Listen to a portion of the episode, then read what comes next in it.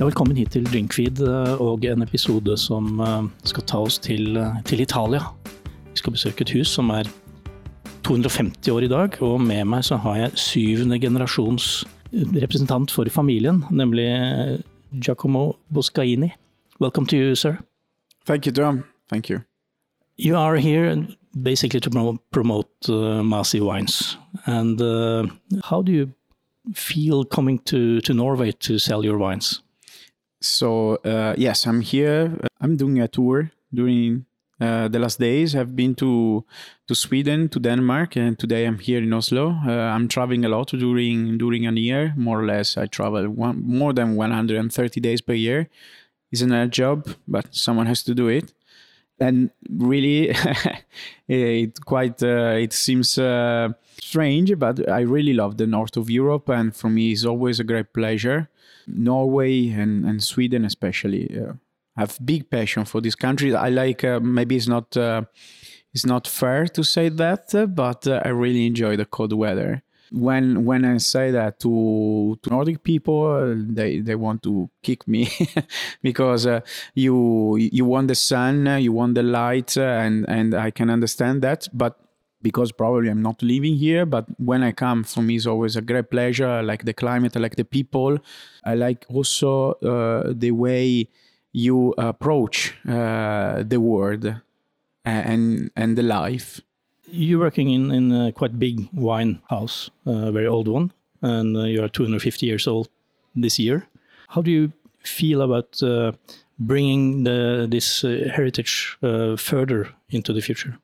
this year 2022 is a really important year for my family for the Boscaini family and for the winery which is Masi uh, we are celebrating the 205th anniversary uh, from the first vintage we know some of our predecessor a man called Giobatta Boscaini, so it's very ancient Italian name. He did the first harvest in 1772 with specific grapes uh, coming from a specific vineyard called Vaio dei Masi, where Vaio means little valley of Masi. Masi instead is like fantasy fantasy world.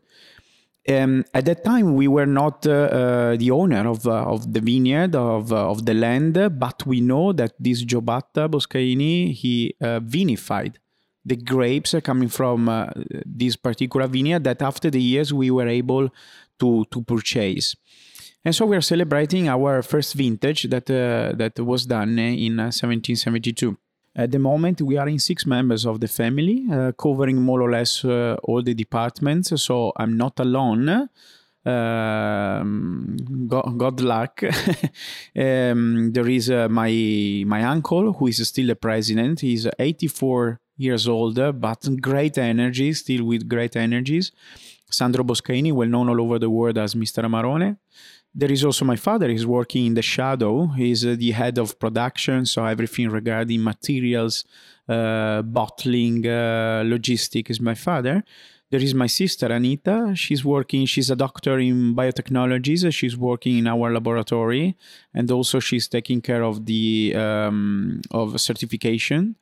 And uh, and of course uh, also my my two cousins alessandra and raffaele uh, Alessandra, uh, our commercial director, and Raffaele, marketing uh, and marketing director and coordinator of Masi Technical Group. So the family is deeply involved. You can truly call yourself a, family business. Yes, absolutely. It's a, it's a, um, it's a, it's a real family business um, from seven generation, and uh, we all uh, grew up uh, in in the vines or or running in the cellar between the barrels and we share the, the passion of uh, for Valpolicella and for wine. Did you ever consider to do something else than, than work in the, in the wine industry? Uh, honestly, no. Um, I grew up with uh, the idea of working for uh, for Masi for for the cellar because I mean uh, it was common for me to, to drink wine even when I was uh, when I was a child. For us, it's not. Uh, there is this, this misconception: uh, wine is is um, in some countries uh, wine is alcohol. Uh, for us, is culture, is history, and is a wine is a food. uh, back in the years, wine, a glass of wine was very good for the farmers for lunch because a glass of wine could give you the energies to keep working during the afternoon in, in the in the field. Was an hard job no? And so uh, I always uh, grew up with a, with a bottle of wine uh, on on the table for lunch, for dinner, when we were all together with the family, and um, I grew up, uh, as I said before, running through the diff- the big boat and the barrels in the cellar. So I always wanted to to work for for for Masi for my company. Um, I studied and I'm graduated in marketing is something that I regret now because at that time I was scared by chemic. But if I have uh, to um, to select a, a um, university right now, How we go for sure for enology. I think the, the world is changing, the markets are changing. We know that uh, the younger people during around Europe uh, are not that uh, passionate about wine as they used to be. Uh, they have many other choices. How do you plan to, to meet that change in the markets? It's true, there are many other choices, uh, but at the same time, Tom, uh, we are in a world where you can uh, have all the information you need. And so maybe we have uh, less people interested in wine, but when you uh, when you get into the wine world, uh, you have wine courses, sommelier courses. You have all the information you need, and you can develop a wonderful passion and um, how we do we need to approach uh, uh, the new uh, consumers.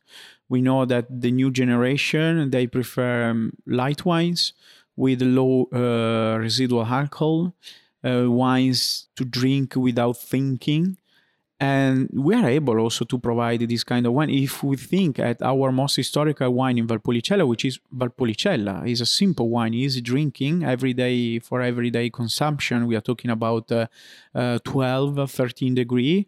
Uh, this is a kind of wine for the new generation. At the same time i can tell you that last year we created two new wines called Fresco di Masi White and Fresco di Masi Red.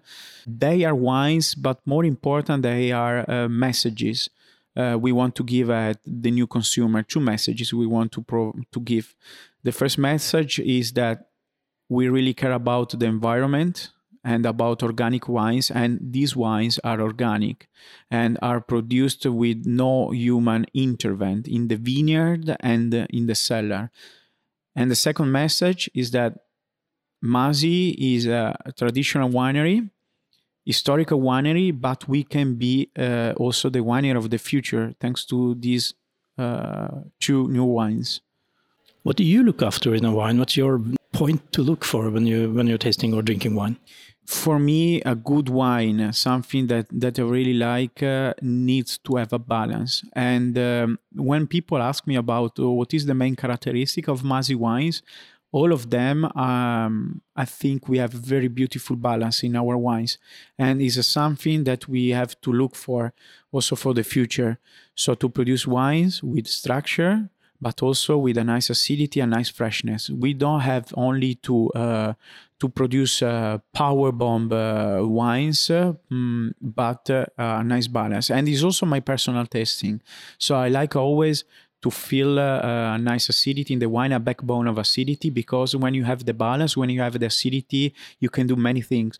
First of all, you can do beautiful food pairings, and uh, you can also age the wine for years and years in your in your cellar.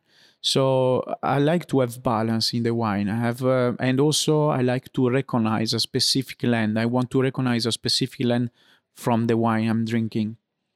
If you had to drink wine outside of the, the Masi uh, house, yeah. uh, where do you go then? Tom, it's a very difficult question. I have a big, big passion for wine. Um, I'm also a collector. I like to, to collect uh, good bottles of wine in my private uh, cellar.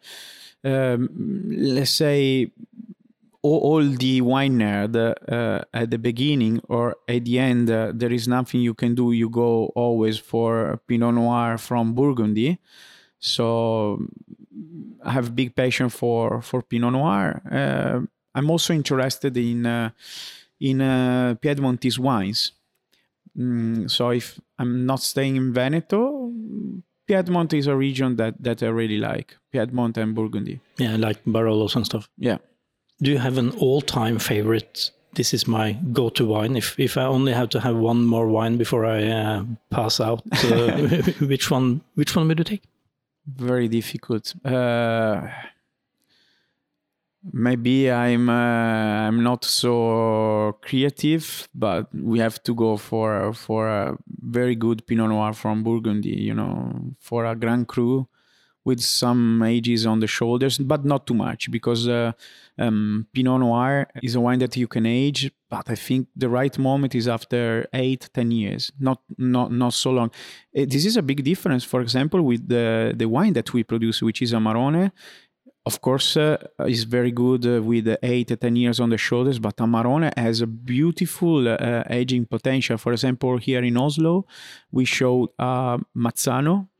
uh, Mazzano. Is a single vineyard Amarone that we produce, and the vintage was 2006. So we are talking about uh, more than uh, 15 years on the shoulders, and was still solid, firm tannins, a monolith. You know, like the Stanley Kubrick uh, Odyssey, a monolith. So, uh, without talking about science fiction, but uh, how long could uh, could you keep uh, your Amarone, for instance? Uh, how can we keep in the? How long can you? How long? Yes, um, you can keep for many many years. in Masi, for example, um, we have a huge library of all the all vintages. It's uh, our policy to stock the 10% of the best vintages in our cellar and to release them in the future as old vintage. Amarone is a wine that, uh, because the appassimento, because the drying process is a particular technique uh, um, that that we have in, in, Valpolicella, and we produce Amarone with the drying process. Because of this technique, you can age and you can store Amarone for many many years without any problem. talking about 30, 40 years. But if you ask me when is the the best, uh, it's a difficult answer. It depends on what you're looking for in Amarone. Do you prefer to still feel the fruitiness, or you prefer more complexity. So I usually I take I take 15 years. Within the 15 years, you still have a very nice freshness. You still have a fruitness. After the 15 years, you develop more complex flavors like uh, tobacco, like coffee. 250 years uh, producing wine.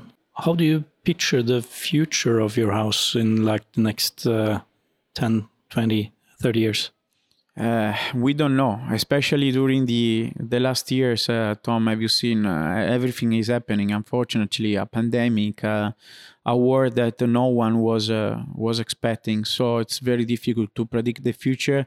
Um, I have a desire. The desire is to maintain what my predecessor did in the past, what my uncle is still doing, uh, and with my father today to preserve our historical uh, production.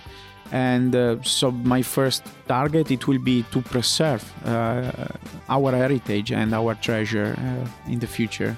Thank you very much for uh, for joining us at, at drinkfeed and uh, i think i'm going to leave you to to the tasting afterwards. Thank you tom. It's been a pleasure also for me. Enjoy wine